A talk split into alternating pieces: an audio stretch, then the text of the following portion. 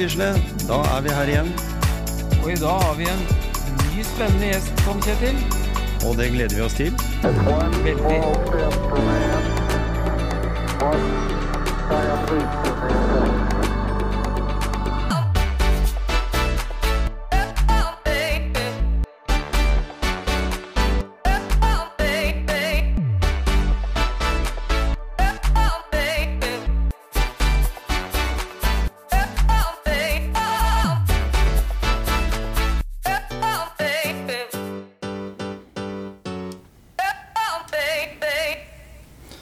Ja, Gisle, da er vi tilbake i studio. Det er vi. Du har fått vært nedi i sol og, og sommer. Ja, det var deilig. Ja. Uh, Gleda meg til neste gang òg. mhm. Og vi har uh, fått tak i en uh, kar, vi, som uh, hevda seg litt i TV. På, på TV 2, faktisk. Ja, Det er, det er noen få år siden. det er det. Er det. noen- det er snart ti år siden, tenker jeg. Noen få grå hår. Mhm. Men uh, hei, Paul Allen. Hei, hei, hei. hei. Og det er, det er faktisk eh, ja, ti år siden pluss nå. Ja, ikke sant? Og Det var i hvert fall da jeg første gang oppdaga deg Hadde jeg hørt om deg før, men det var liksom da jeg først oppdaga deg som musiker, da. Mm. Det var jo et sånn eh, en plattform for å nå ut til andre som ikke har vært borti før. på en måte Truffet før musikalsk sett. mm. Mhm. Og derfor jeg sa ja og var med på det også. Ja, da tenker jeg liksom Hva var motivasjonen din for å bli med på den? Da følte jeg at vi hadde kanskje stått litt stille noen år. da. Hadde det drevet masse på musikk og spilt masse rundt omkring, Mm. men sto litt stille sånn, for å bruke ordet karriere. Og så følte jeg liksom nå måtte noe skje, og så hadde jeg egentlig helt andre planer. Og så ble jeg da oppringt av produksjonsselskapet og spurt om jeg ville være med, og så var jeg litt usikker og sjekka ut konseptet. Og var egentlig ikke helt sånn med, men så vrei jeg litt på det og så tenkte jeg at det her er en bra mulighet. Og, og da ga det motivasjon til å liksom gå all in. Mm. Og du, du fikk jo god respons, da, for alle dommerne snudde seg jo Og du kunne jo velge og vrake i mentorer, da.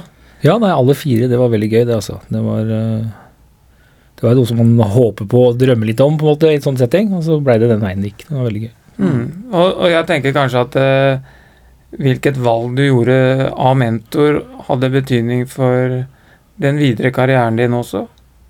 Ja, både. Altså, jeg tror også hvorfor jeg valgte akkurat Josef, var jo for at han sa de rette tingene akkurat der og da, og det, jeg er litt sånn rett på-menneske.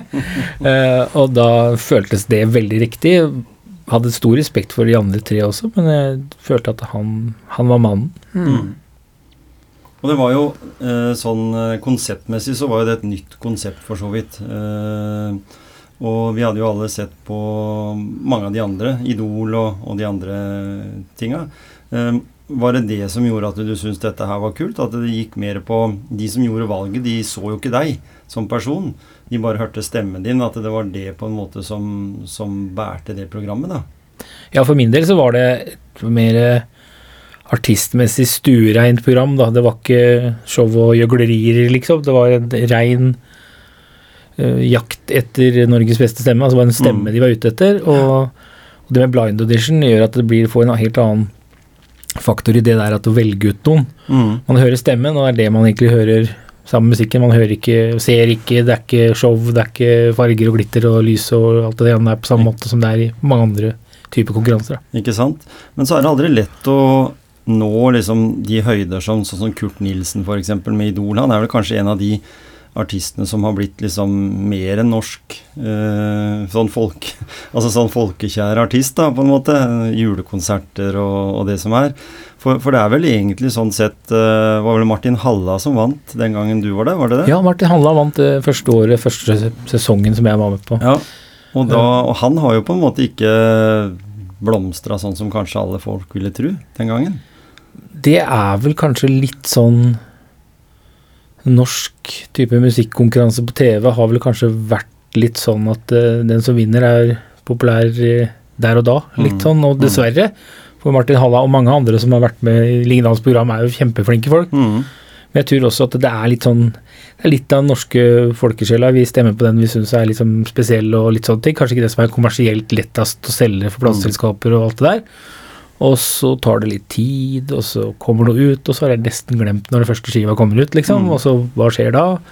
Er det et budsjett uh, for reklame og promotering som er bra nok til helt tatt få det opp i de høydene igjen? Mm. Det er ikke ofte, og Nei, da sant? Forsvinner man litt. Da. Ja, for den verden har jo blitt veldig annerledes som artist. I dag så, i motsetning til før, så hadde du en eh, konsert for å promotere ei plate. Men nå må du gi ut ei plate for å promotere en konsert, på en måte. Og, og, det, og, og, og plata i dag er jo Spotify, for eksempel, og det er jo et medie som Det kommer 40 000 nye låter hver dag. Så det er et voldsomt trangt nåløye å, å, å, å på en måte få gjennom ting. Du har jo, Pål, valgt eh, å, å ha fokus på noe som du er opptatt av. Du har skrevet en låt som heter 'Angstmaskin'. Mm. Eh, og det må du si litt mer om. Ja, Det er en låt som lå inne i ganske mange år, ettersom jeg sjøl har liksom slitt mye med psykiske ting. da, Angst og depresjoner og, og alt det der. Som mange andre også prater om, men den låta liksom blei skrevet idémessig ganske mange år før jeg ga den ut. Mm. Men så ble den justert her og der. Litt sånn at den starta som et slags dikt, kanskje. Og så blei det så, det så ekstremt personlig. Ja. Og da måtte det justeres litt, at det skulle være, handle om ting som jeg følte og, og, og tenkte og hadde i livet mitt, men mm. samtidig måtte det være litt universalt. Altså det tok en prosess da over noen år før liksom jeg fikk en slags form som funka, og så Mm. Spilte vi inn, og så ble det en justering i studio også, så det Og så var det kanskje en vanskelig låt å, å gjøre, for den er jo veldig personlig, selv om jeg prøvde å gjøre den litt universal følelsesmessig, da. Mm. Mm. Men vel ja. jeg tenker, sånn som du snakker om angst og depresjon og sånn, har, har det vært en, eh, et hinder for deg i din musikalske karriere, tenker du? Både og, men kanskje ikke i så stor grad som man skulle tro. Fordi at jeg tror jeg, jeg, brukt, jeg brukte musikken for på en måte å få den ventilen, få det ut. Mye mer enn at det har vært en sperre for meg. Mm. Så det har vært egentlig en slags en redning, musikken, å få Mm. de følelsene ut. øh, kjenne på det, men samtidig bruke det til noe. Mm.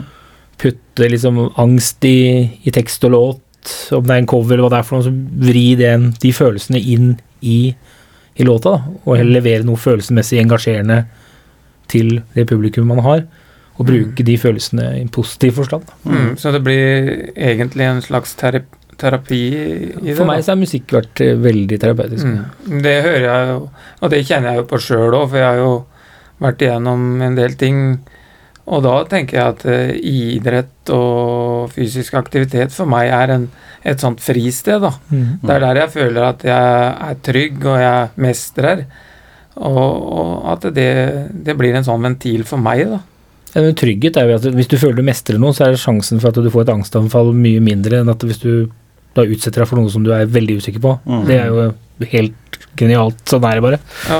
Eh, men jeg tror også det at det, det å ikke utfordre seg, det gjør at det sitter enda mer i, da. Mm. Og det Hvorfor jeg valgte å gå ut og Først gikk jeg ut med det å være psykisk syk og gjorde noen konserter sammen med Mental Helse og litt forskjellig, sånn litt foredrag. Og, og så kom den låta endelig på plass etter hvert. Men for meg så var den åpenheten en terapi også.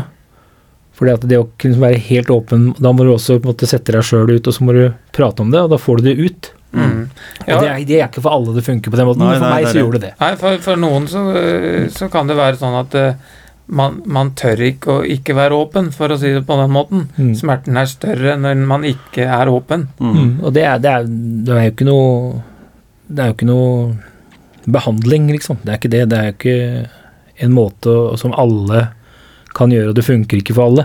Nei. Men for meg så var det en veldig viktig del av å bli bedre, i hvert fall, og i hvert fall komme stykket og bruke de verktøya som jeg hadde liggende i meg fra før, Mm. og noen nye, og kombinere de. Mm. Og, den, og, den, og den pilla som du har på, for jeg har jo sett deg på scenen, og når du er på scenen, så har du jo enorm trygghet, og du liksom oser av, av, av entusiasme i de låtene du synger. Eh, det er faktisk litt av den samme greia som jeg tenker med deg, Gisle, når du tar, gjennomfører en Ironman, da. Og den fokusen du har, helt sikkert også føre, for jeg er sikker på at du, Pål, øver jo en del. Dere må jo det, øver jo for å levere. Så, så forholdet er jo egentlig ganske likt. Det at Pål øver og gjennomfører, eh, blir det samme som når du trener og gjennomfører en Ironman, f.eks. Mm. Eh, men det fokuset, det at det på en måte gjør at du Der er du på en måte trygg, da, for deg på scenen. Der ser du at du liksom utstråler en selvsikkerhet og en, en trygghet som, som blir den samme som du har på arenaen. Som igjen for så vidt ville vært veldig krevende for meg, da, hvis jeg hadde kommet inn i en sånn setting og tenkt mm. at eh, her var jeg feil mann på feil plass. Mm. Og Derfor så tenker jeg også at det, med, i behandlingsøyemed, da, at man kan finne en mestringsarena for hver enkelt person. Det bør ikke være en Ironman, og det bør ikke være å stå på scenen og synge. Det kan være mindre og større ting enn det. Mm. Ja, absolutt. Jeg tror, tror veldig mange har problemer med å finne det, eller føler ikke de kan. Mm.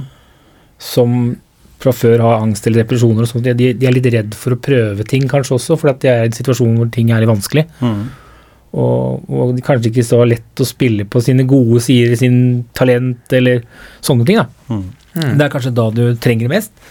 Jeg trenger de oppturene for å komme videre. Ja. Mm. Men du sa du holdt foredrag. Uh, hvordan, hvordan ser et, et sånt foredrag ut når du holder det? Nei, altså, jeg har med meg eh, Veldig ofte har jeg hatt med en som heter Erik Nordheim på gitar, og meg, og så spiller vi låter. Og så mellom låtene så prater jeg rundt temaet angst og depresjon og psykiske ting. Uh, relaterer kanskje med de låtene vi spiller, eller historier rundt det.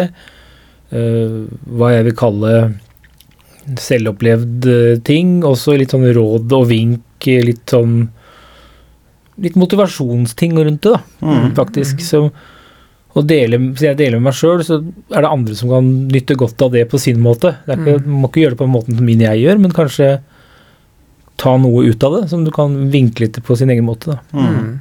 Og Det er det jeg liksom fokuserer på. Det har, jeg har hatt flere, og noen har vært veldig mye fokusert på å prate mye, og andre har vært liksom mer så musikk og litt småtteri innimellom. Det har vært litt forskjellig. Mm. Men hvem er det som kommer på de foredraga? Det har vært veldig variert. Det har vært eh, så klart de som er med i styr og stell i Metall Helse som er der, så klart, og sånne type ting. Og en del som er medlemmer der. Men det har også vært en del andre folk som har kommet da og, og fått til et aha-opplevelse og fått et slags ja, et fellesskap hvor det er lov å, å føle på ting. Mm. Liksom. Mm. Og kanskje fått nye venner, og, så, og samtidig få inspirasjon og motivasjon til å prate om ting. da, Om det er egen psykisk sykdom eller noen i familien. Jeg har fått tilbakemelding at det er en, en del som jeg har møtt rundt i foredraga, som har fått å bli dytta litt i den retningen. da. Mm. Men, men blir det sånn Vi ser jo nå her under um, Grand Prix så sto jo Tix fram og fortalte om sine problemer. Em, kan det være sånn at eh, musikken for mange brukes som en, en terapi uten at de vet det? At de har på en måte skapt eh, den eh, tilværelsen for seg sjøl for å på en måte komme med budskap, da enten det er eh, at en sjøl sliter, eller at det, som du sier, at en har noen i eh, nettverket sitt, i familien sin, som, som har det, og så, har en musikalske og evner til, til å lage låter, og så lager han eh, ting rundt det. At eh, han, han lagde jo en del låter som var sånn, kall det litt russelåter først, og så kom både budskapet fram mer og mer, og så kanskje litt som en kunstmaler, altså som maler veldig sånn eh, typisk klassisk i starten, og så tør den å utfolde seg etter hvert. Er det litt sånn med musikken også? Ja, jeg tror altså jeg, jeg kjenner jo veldig mange musikere og artister og kunstnere generelt, da. Mhm. Og det er jo ikke det at vi føler mye mer enn alle andre, men jeg tror hvis du er en, en artist, en kunstner, en musiker, så er du et følelsesmenneske generelt sett. Det Mm. finnes de som ikke er det, og det er ikke jeg sier, men jeg tror veldig mange er det. Ja. Og derfor også øker prosenten av de som har psykiske problemer, fordi at følelsesmennesker de føler på alt, ikke sant? Mm. Og er overfølsomme på ting. Ja. Uh, og det, så jeg tror nok eh, den prosenten av psykisk syke artister eller kunstnere og sånt er større enn kanskje blant rørleggere eller håndverkere, for å si det sånn. Ja. Eh, men jeg, skal det er ikke noe tall jeg vet helt sikkert, Nei, nei. men jeg, sånn, etter min erfaring og det jeg har hørt, så er det nok en del av det. Mm. Jeg tror også for å liksom levere noe åpent og ærlig, så er jo det å være komme i kontakt med følelsene sine, da. Mm. Er jo da tror folk fortere på det. Mm. Du kan fint synge en sang om raske biler og penger og damer, hvis du aldri har verken penger, raske biler eller damer, så, er litt, så ljuger du, og da er jeg ikke like troverdig, da. Nei, ikke sant. Det er det. Absolutt. Uh, I motivasjonspreik, Gisle, så har vi jo hatt uh, besøk av, av mange opp og gjennom. Og akkurat når jeg eh, presenterte det for deg her i forhold til Pål, så, så tenkte jeg du nevnte jo litt med den angstmaskinen her, det har vi jo snakka litt om. Mm. Eh, at du ser jo at den, at den har noen sånne trekk som kanskje er felles for Du nevnte jo her i stad dine egne utfordringer. Ja, ja. Det, jeg, jeg sa jo til deg at det, det kunne jo vært meg. Ja. Så, så det, det er mye likhet i det, da, selv om ikke Mm. det er sikkert helt likt, da, men mye av greiene ligger jo der. Og det ser jo jeg at det er jo litt av den responsen du har fått på sosiale medier og sånn nå, er jo det at det er mange som kjenner seg igjen i akkurat det, den låta, da. Ja. Og det du sier der, om du hadde hatt det som et dikt, eller om du satte melodi på den, liksom, så, Mm. så var det uansett uh, et budskap som du kommer fram med, da, som, som, som, som rører mange. Ja, altså det, det er jo tekstmessig der uh, veldig ærlig, men samtidig vridd litt sånn universalt, som jeg sa tidligere. og det Mm. Samtidig som det er noen, noen, som jeg, noen, noen tekstlinjer som jeg føler er veldig veldig meg sjøl, og andre som jeg vet også andre føler, så klart, som jeg Mm. måtte også føle, men som jeg har putta inn i det, Mm. vinkla litt mer åpent. da. Og tekstmessig så, så er den jo ikke spesielt uh, innvikla. Den er ikke full av masse ekstra ord og uttrykk. Den er egentlig veldig rett på sak, Mm. fordi at eh, det er jo sånn det føles i utgangspunktet, er at det er veldig enkelt. Det er ja eller nei, det er enten eller. Mm. Det er grusomt eller enda mer grusomt. Det er liksom, det er ikke noe forskjellige fasetter av det, det er liksom enten eller, Ikke sant? ofte. Mm. Og så tror jeg det at eh, man kan, man kan Alle kan føle på litt angst eh, iblant, og, men så er det jo sånn at eh, noe angst er mer inngripende enn annen angst, da. Fordi at eh, man, no, noe kan man ikke velge bort. Altså har man angst for å hoppe på ski, så kan man si at eh, Nei, jeg, jeg gadd ikke å hoppe på ski mer, jeg. Men eh, har du litt angst for å gå på jobben, mm. så er det ikke så lett å si nei, jeg, jeg vil ikke gå på jobben.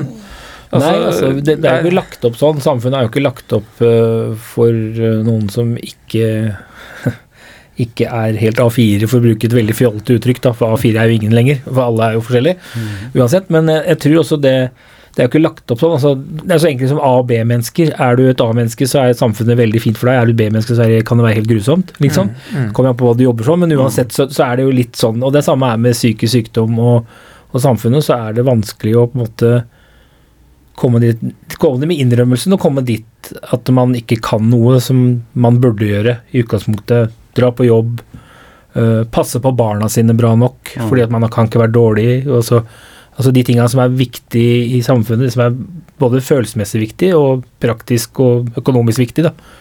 De, de er liksom ikke så lov til å si at det, det orker jeg ikke. Det kan Nei. jeg ikke. Det føler jeg ikke for det. Ikke for at jeg ikke har lyst og jeg er lat, men fordi at jeg, det er sperre. Jeg kommer Mm. ikke dit. Mm. Og så er det det, å, fast. og så er det, det å, å, å gå til det skrittet og søke hjelp, da.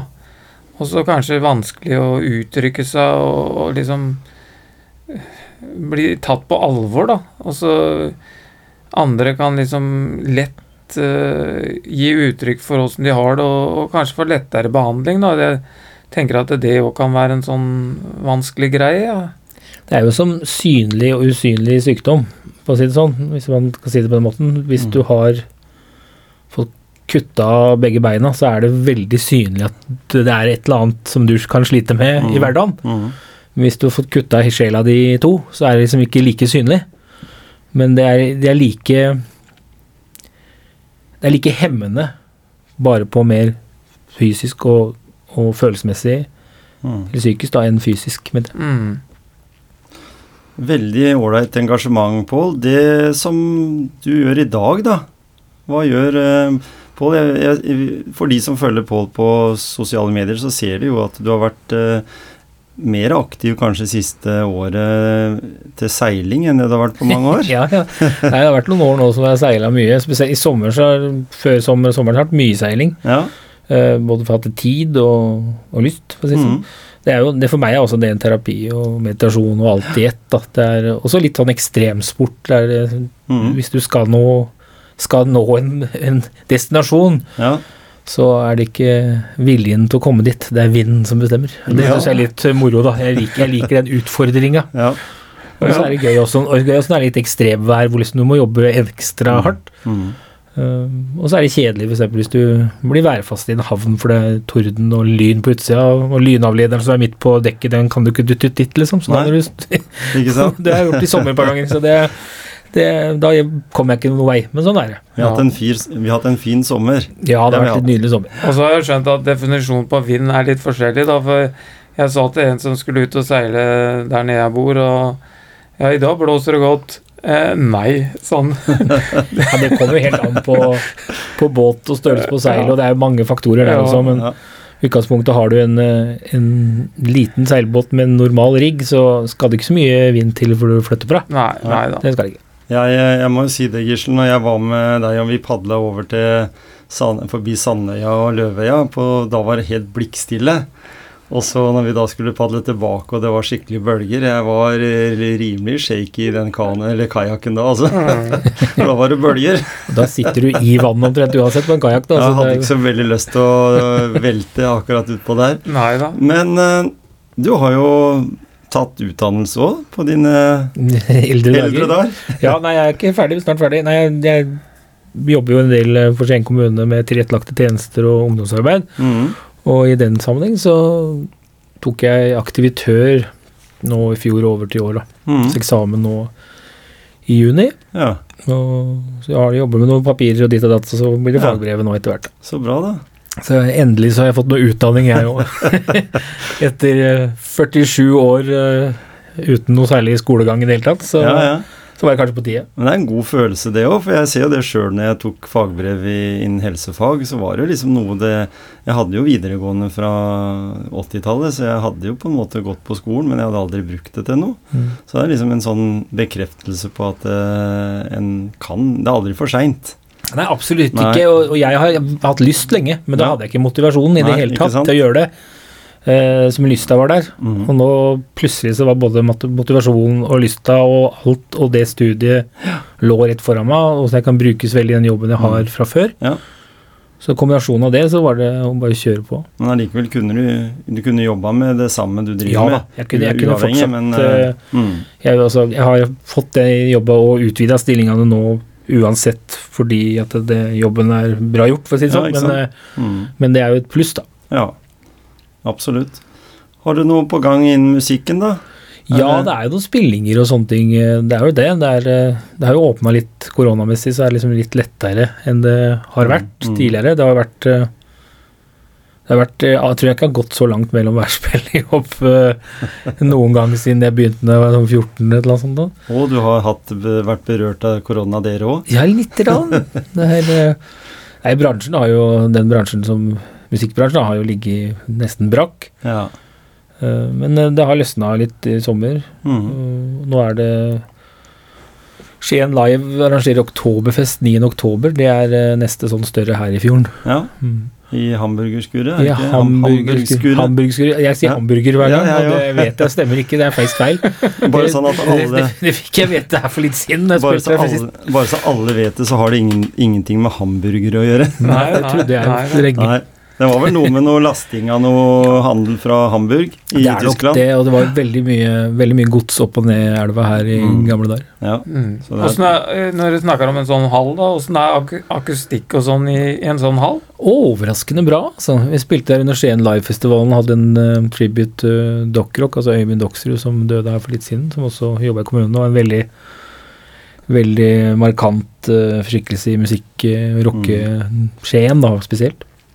Eh, og det var fantastisk bra lyd og stemning, og det var veldig gøy. Det var en Mm. fin, fin uh, hyllest til han, og, og en veldig fin dag, både musikalsk sett og sosialt sett. Mm. Jeg regner med at eh, folk er sugne nå på å komme ut og høre med livemusikk? Ja, det, det virker sånn. altså. Veldig mye tilbakemelding av folk er interessert i å komme og sånn. Så vi får se åssen det blir når det liksom blir vanlig igjen. da, Om det Mm. blir, blir det samme at eh, de vil gjerne at ting skal skje, men de dukker ikke opp. Da er jo litt sånn innimellom, det, dessverre. I kulturarrangementer generelt, da. Mm. Vi får håpe at det her har at vi har lært at vi må ta vare på kulturen. Ja, jeg tenker at eh, at folk vil kjenne, har kjent på den derre hva de egentlig har gått glipp av nå, da. Og, og så Mm. kjenne på den der eh, følelsen av, av liksom å kunne samles igjen og se verdien i det, da. Jeg tror fellesskap, sånn, også det å være sosial, er jo noe som blitt frarøvet alle typer mennesker under korona. Det er jo i alle samfunnslag og i alle typer jobber og alt mulig. Det har liksom vært en eh, vært en veldig rar tid for de fleste. Mm.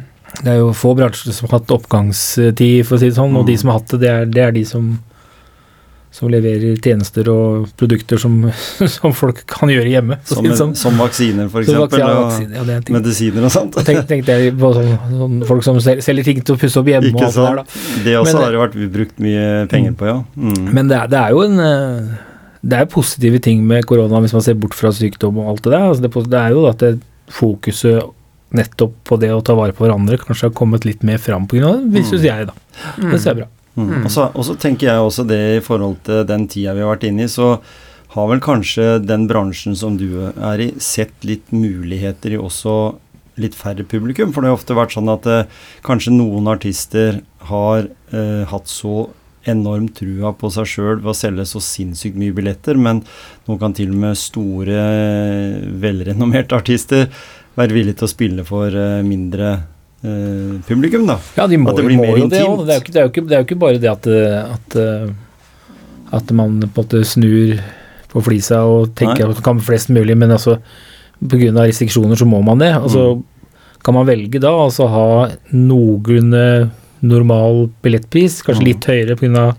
ting og tang, men samtidig gjøre intimting. Og så får både artist og publikum en enda bedre opplevelse, kanskje, da, for det, Mm. blir, det blir mer direkte. Så kan du kanskje ha to konserter på en dag istedenfor bare én. Hvis en tenker seg, for jeg, jeg tror nok uansett så tror jeg nok at en i alle sånne arrangementssammenheng så må en nok jobbe litt med folks uh, innstilling på det å så stå tett i f.eks. sånn som en har gjort på festivaler tidligere. Uh, av, Ja. av- av større festivaler der det er flere tusen. Det ser vi jo med gjennomføringa av, Notodden Bluesfestival òg, at de får gjennomført det. Tjener nok sikkert ikke like mye, men så blir den kanskje litt mer kostnadsbevisst, da. Jeg vet ikke. Jo, jeg altså, er jo litt på arrangørsdelen nå, jeg, og det, det har mye med hva du legger opp til det, og så det skal være avstand, og det skal være ditt, og det skal være datt, og så hvis man, hvis man putter alle restriksjoner inn i kalkulasjonen, så Mm. skal du altså kunne gå i, i null, i hvert fall, da. Ja. I utgangspunktet på, så lenge ikke honorarene er altfor høye, Mm.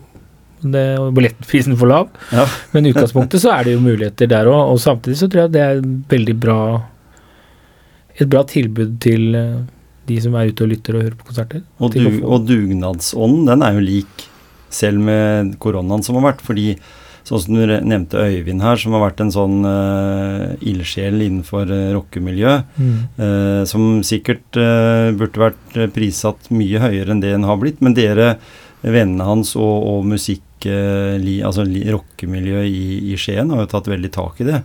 Ja, det, det, var, det, var, det var veldig fort snakk om at vi hadde lyst til å gjøre noe. Mm. Flere av oss, liksom. Og så, og så blei det slik at, eh, at Nils K. Rue til Pagans Mind og andre ting tok litt ordentlig tak i det. Ja, ikke Og sant? så, og så blei det under Skien Live, da. Ja. Og det Og, og, en annen, og en annen kjent rock-engasjert person, eh, Morten Batteri-Olsen, også gikk jo bort Ja. her i, i sommer, var det vel? Ja. Mm. Nok en som fyr som var veldig, veldig flink til å støtte opp og gjøre og arrangere og Ja, gjøre masse positivt for rocke i Skien. Ja. Men uh, rocken består. Den har Ja, eh, det- overlevd fra Elvis og, og framover og skal komme kommer sikkert til å overleve flere pandemier og den. Det er Ikke ikke, sant? det. For, for, for i Skien så vet jeg at det fins ulike eh, rigger. Jeg vet oppe i Ibsenhus der så har du noen sånne studioer som ungdom kan prøve seg i. Mm. Er det sånt, du som jobber litt med det i kommuneregi, jeg vet ikke om du jobber akkurat med det, da, men er det et eh, rekrutteringsmiljø? Det er faktisk det. Nå, er det. nå har kulturskolen de to båsene bak, Ja. bak kulturskolen mm. på sida av biblioteket. For Menstad også så er det for ungdom der. Ja. for barn og ungdom. Eh, hvor primus møter Jan Arne Iberg, eh, som tidligere hadde 1001 Watt-festivalen og sånne ting. Han uh, jobber også i kommunen sammen med meg. Han mm. har den delen med de rockeverkstedene. ja. Og, og det er jo åpent for all ungdom i Skien i utgangspunktet. Mm. Og, og det er en del band som har kommet opp gjennom det, blant annet Plague og og Gurnade, som er liksom litt sånn unge De ligger rundt sånn 16-17-åra nå, Mm. og de har liksom starta for noen år siden og liksom begynt å bli bra, gi ut ting, og det er bra rockeband. Ja, spennende. Så det er moro at det skjer ting, og det rekrutteringa er vel kanskje ikke så høy på rock som det var når jeg vokste opp, men samtidig så, så skjer det ting, da, og det er veldig gøy. Mm. Mm. Både kulturskolemessig og så disse rockeversene. Ja, og du, du vokste jo opp noen år etter meg, for når jeg vokste opp, da var det sånn eh, engelsk eh, teknopop, da. Elektropop, eller hva det var. Ja, men rocken var jo stor da òg. Ja, ikke sant. Den har jo alltid vært der. Mm. Den har Det var jo vært mange eh, som drev med punk òg. Ja. og, Det var mye punk i Skien. Mm. og du er jo litt sånn rockegisle, du med sveisen din og alt, ja. med gitar og sånn, så hadde Liker du vært skikkelig Så må være litt forsiktig nå, for plutselig så ender du inn i, i bandet til Jeg kunne fort vært eh, Nei, jeg kan, ikke, jeg kan ikke musikk, jeg. Ja. Ikke kan jeg synge heller. nei. Men det hadde vært gøy. Ja, Det må jeg innrømme. Og det er jo litt med kanskje ungdom som vil prøve seg, da. At de vite at det, det er ikke alle som blir best i musikk heller. Men du kan ha det gøy med musikk. da. Jeg tror det, det hadde gøy er viktigste, og så får heller det der eh, Det andre komme etter hvert. Syns du det er gøy, så bruker du mer tid på det. Mm. Da øver du mer, da blir du flinkere, og så og så videre. og så videre. Syns du ikke det er gøy, gjør det bare for å gjøre det, så er det er som alt annet. Da blir det tungt, da. Mm. Det Og da er det ikke gøy. lett å få det til heller.